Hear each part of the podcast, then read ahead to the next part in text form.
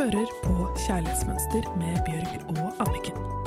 Sammen skal de hjelpe deg med å bli enda bedre kjent med den du er, slik at du kan skape det kjærlighetslivet du drømmer om og fortjener.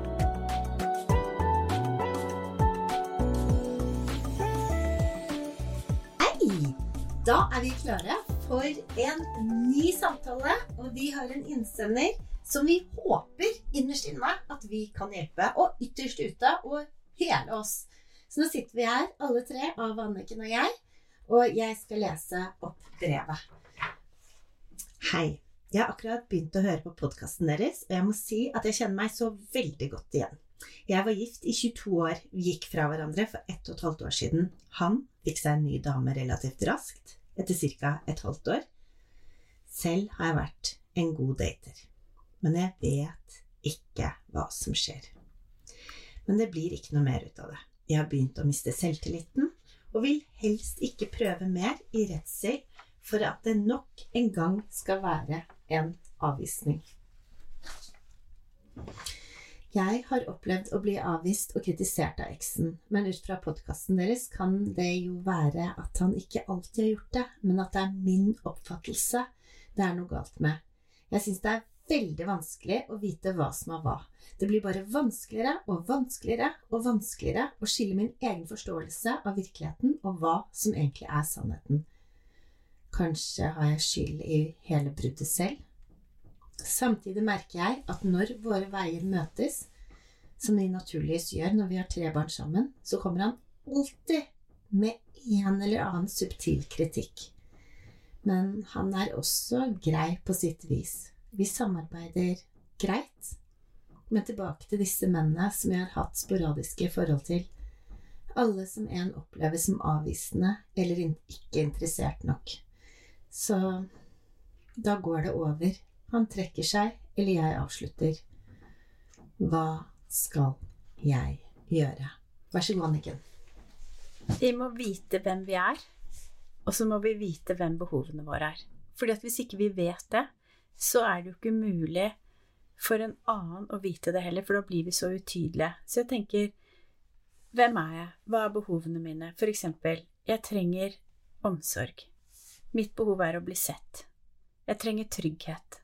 Jeg trenger at ord og handlinger er i samsvar. Jeg trenger frihet. Jeg trenger respekt. Jeg trenger sunne grenser. Hvis man vet dette her, dette er meg, dette er mine behov, da blir det mye enklere for en annen å møte deg, pluss at det blir mye enklere for deg selv å si ifra når du ikke blir møtt. Mm. Men når vi ikke vet hvem vi er, når vi er usikre på behovene våre, om vi ikke vet om hans behov er viktigst eller dine egne, så er det så lett at vi blir så små, og vi blir så usynlige. Så jeg tenker det gjør oss veldig utrygge og usikre når vi ikke vet hvem vi er, og hva som er behovene våre. For da lever vi i avvisning av oss selv og hvem vi er, for vi faktisk vi ser ikke hvem vi er. Og så ender vi ofte opp å bli avvist fordi vi ikke blir møtt eller sett for den vi er.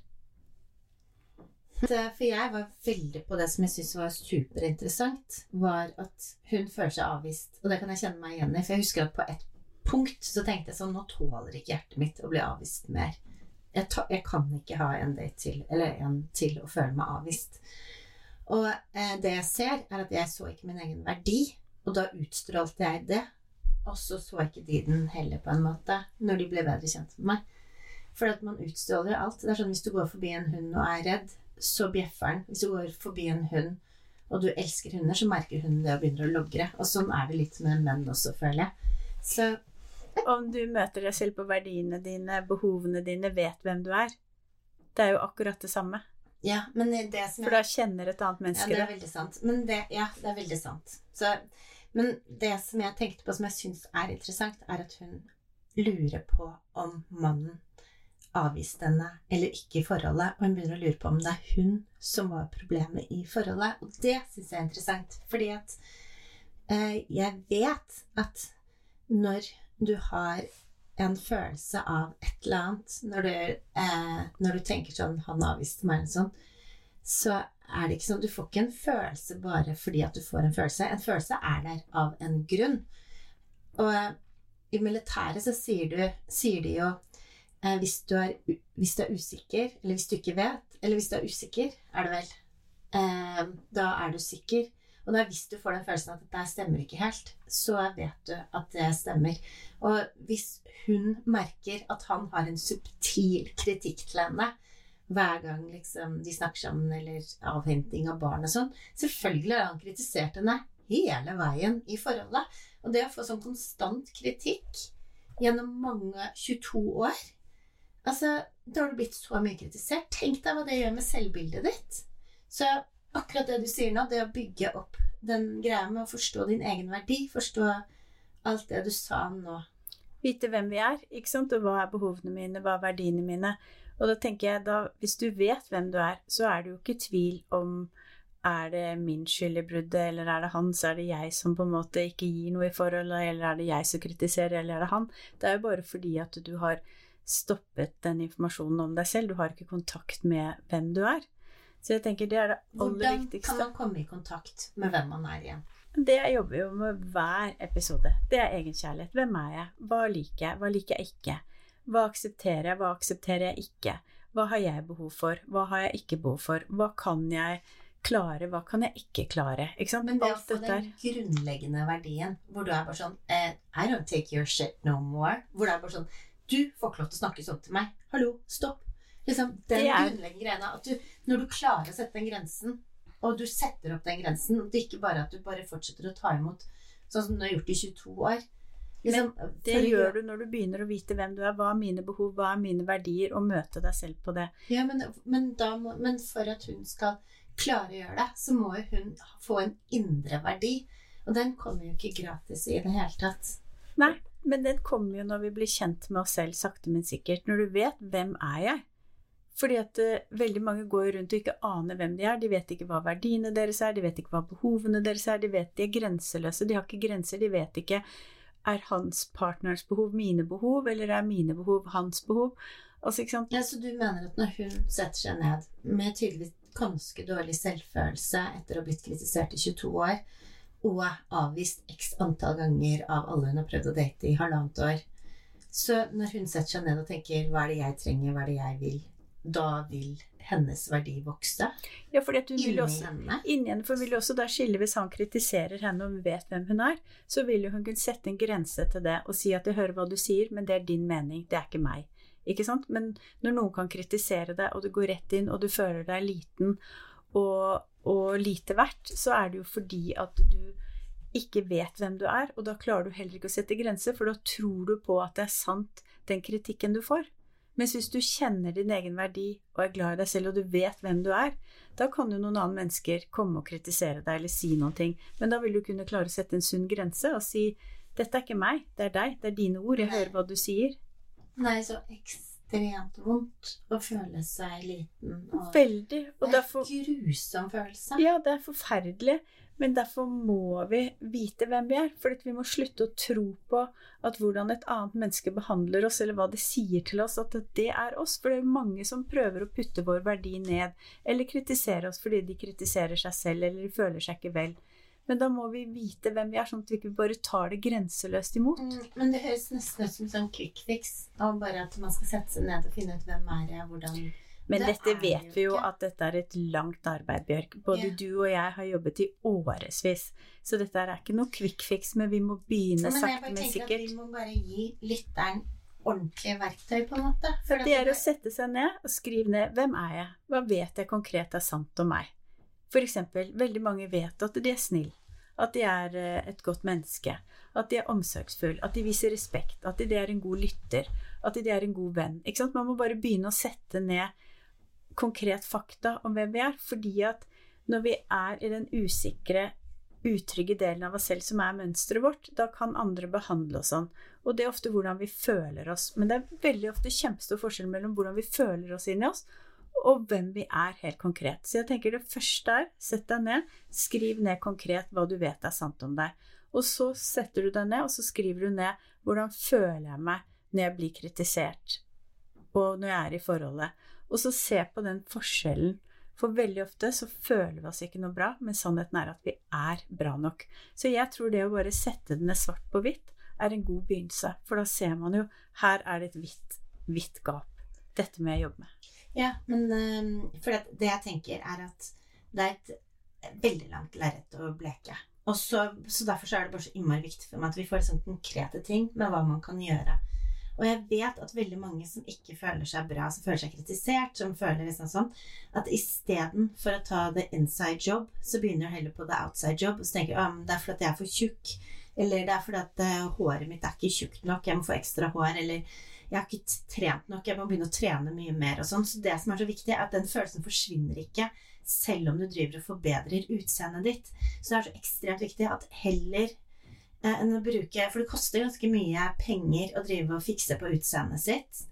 Um, og heller bare gi seg selv den egenkjærligheten og bruke de pengene på en terapeut som du har god kjemi med. Og hvis du ikke har råd til det, og finne eh, hvilke andre måter er det man kan gjøre det på hvis man ikke har råd til en terapeut. Det fins jo masse på YouTube, masse på TED Talks altså Det fins jo masse, masse kanaler på nettet. Ja, jeg, for jeg har jobbet så mye med traumer som jeg har opplevd som barn. Eh, med mitt forhold til mine nærmeste omsorgspersoner. Jeg hadde jo jeg er verdens nydeligste mamma nå, men hun var jo på et helt annet sted da jeg var liten. Så jeg jobba masse med det. Jeg jobbet masse ting for å endre min verdi. Og jeg tenker at um, hvis du tar deg råd til å bruke liksom 3000 kroner i måneden da, på frisør, som veldig mange gjør, så tenker jeg eh, ta heller liksom og drit i det håret ditt i et år, og så går du heller til terapeut, så bruker du penger på det. Eller hvis du går og fikser neglene dine annenhver uke, bare, bare bruk det på inside job. Fordi at uansett hvor pen du blir, så kommer du ikke til å ha det bra. For du kommer til å velge feil menn. Du kommer til å bli avvist igjen og igjen og igjen, fordi kjærlighetsmønsteret endrer seg ikke før du endrer deg. Og det har ingenting med utseendet å gjøre. Men jeg, jeg, jeg, jeg syns du var inne på noe du sa i stad om at med din barndom gjør, eh, gir deg et visst utgangspunkt. Og det tror jeg liksom kan gjelde litt her også. Hun, hun, er ikke sikker på om det er kritikk. Og jeg sier ikke at det, ikke, det er vanskelig å vite om det er hun som tolker ting i verste mening. Fordi man kan jeg for eksempel, er jo vokst opp i en, en gambisk-bergensk familie, som gjør at jeg har et helt annet volum på med stemmen min enn det veldig mange andre har. Sånn at det, for meg har det vært krevende, eh, eller mitt forhold har det vært krevende å, for han å vite forskjell på når jeg er sint og når jeg er engasjert, fordi volumet på stemmen er den samme. Fordi han eh, kommer fra en sindig sørlandsfamilie hvor de snakker rolig til hverandre. Hos, hjemme hos meg så skreik vi. Det var høy temperatur hele tiden. Så det er, er noen ting med at han oppfatter at i hodet hans så er jeg, jeg klikka fullstendig, men for meg, for meg, så er jeg bare sånn brennende engasjert. Sånn at det å få liksom kommunikasjon rydda opp i den Hvis han kommer etter meg og rydder i oppvaskmaskinen, f.eks., da blir jeg rasende. For da han tenker sånn Ja, men da blir det bedre plass. Men et eller annet sted i hodet mitt så er, det sånn, så er det kritikk av måten jeg har rydda i oppvaskmaskinen på. Og det er sånne ting man må snakke om. Og det er jo helt Ikke nødvendigvis eh, Hva heter det? Uh, Kritikk? Ja, altså Det er absolutt ikke kritikk fra hans side. Han, han, gjør det for å være snill, men i hodet mitt så er det liksom Det er kanskje noe av det verste du kan gjøre. Og når dere kommuniserer om det, så sier han 'jeg ville bare hjelpe deg', og du sa 'jeg trodde det var kritikk', og så finner du ut at det ikke er kritikk. Hvordan reagerer du da? Nei, altså, jeg, jeg, skulle jo ønske at jeg sier sånn Nei, nå har vi snakket om det, og nå, nå, nå vet jeg at han gjør det bare for greia. Jeg blir sur ennå. Men vi, han vet hva, vi vet i hvert fall hva som skjer. Sånn gjør det når du går på do? jeg hø, ja, jeg hø, kan høre det er et annet rom, at det ryddes i oppvaskmaskinen. Og da, kom, da blir jeg, jeg blir fortsatt sur, men vi vet hva som skjer, og det gjør at det ikke blir en det blir ikke en langvarig altså ting som går og drar. Vi kan ta en, kanskje en diskusjon på det der og da, men vi vet, vi vet begge intensjonen til den andre. Vi vet hvor den andre kommer fra. Men eh, konklusjonen dette er at du har fått en eller annen kritikk som barn når du gjorde et eller annet, og så kom noen opp og ryddet opp etter deg etterpå. Mm. Så derfor har du tatt det med deg inn i ekteskapet, og derfor er det så viktig å rydde opp i alt mulig rart som man bærer med seg. Ja, og det viktigste er at man kan snakke om det. At det, mitt utgangspunkt er sånn, mitt utgangspunkt er sånn, og det gjør at vi kanskje må lære oss å kommunisere litt annerledes. Jeg tror det er utrolig viktig å være godt kjent med en selv før man går inn i et forhold. Fordi du kommer ikke unna deg selv, du møter deg selv hver eneste dag gjennom partneren. Og det er derfor jeg bare tenkte jeg vil ikke ha kjæreste nå. Jeg må bare bli rydde opp ferdig. Mm. Jeg føler meg ikke klar i det hele tatt. Eller jo, litt klar, men det er deler av meg som ikke er klar. Det, kanskje om et år. Så jeg beklager at jeg ikke har noen sånne spennende datinghistorier eller noen ting. Men jeg skal være alene til jeg føler meg klar. Når jeg kommer Og det, ut av du gjør jo veldig mye. Ja, og du gjør jo veldig mye annet spennende, da. Akkurat nå. Det indre arbeidet du gjør. Det er jo superspennende. jeg går i terapi én gang i uken og jobber masse med meg selv. Veldig bra. Det gjorde jeg i veldig mange år, og det er jeg bare så takknemlig for at jeg gjorde. Det har skiftet mitt kjærlighetsliv helt. Så hva er ukens oppgave? Vi ønsker med ukens oppgave at du skal bli bedre kjent med deg selv. Start ned og skriv ned hva er mine behov. Og så sjekk hver dag om du møter deg selv på disse behovene, og at partneren din møter deg på disse behovene. Det er det første.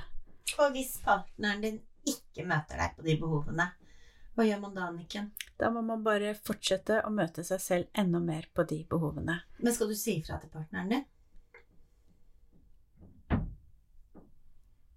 Jeg mener jo at det er viktig å gjøre. Mm. At man er ærlig, autentisk. Det veldig mange sliter med, er at de ikke de tør å si sine behov, for de er redd for Og de har opplevd så mange ganger at når de gjør det, så får de motstand.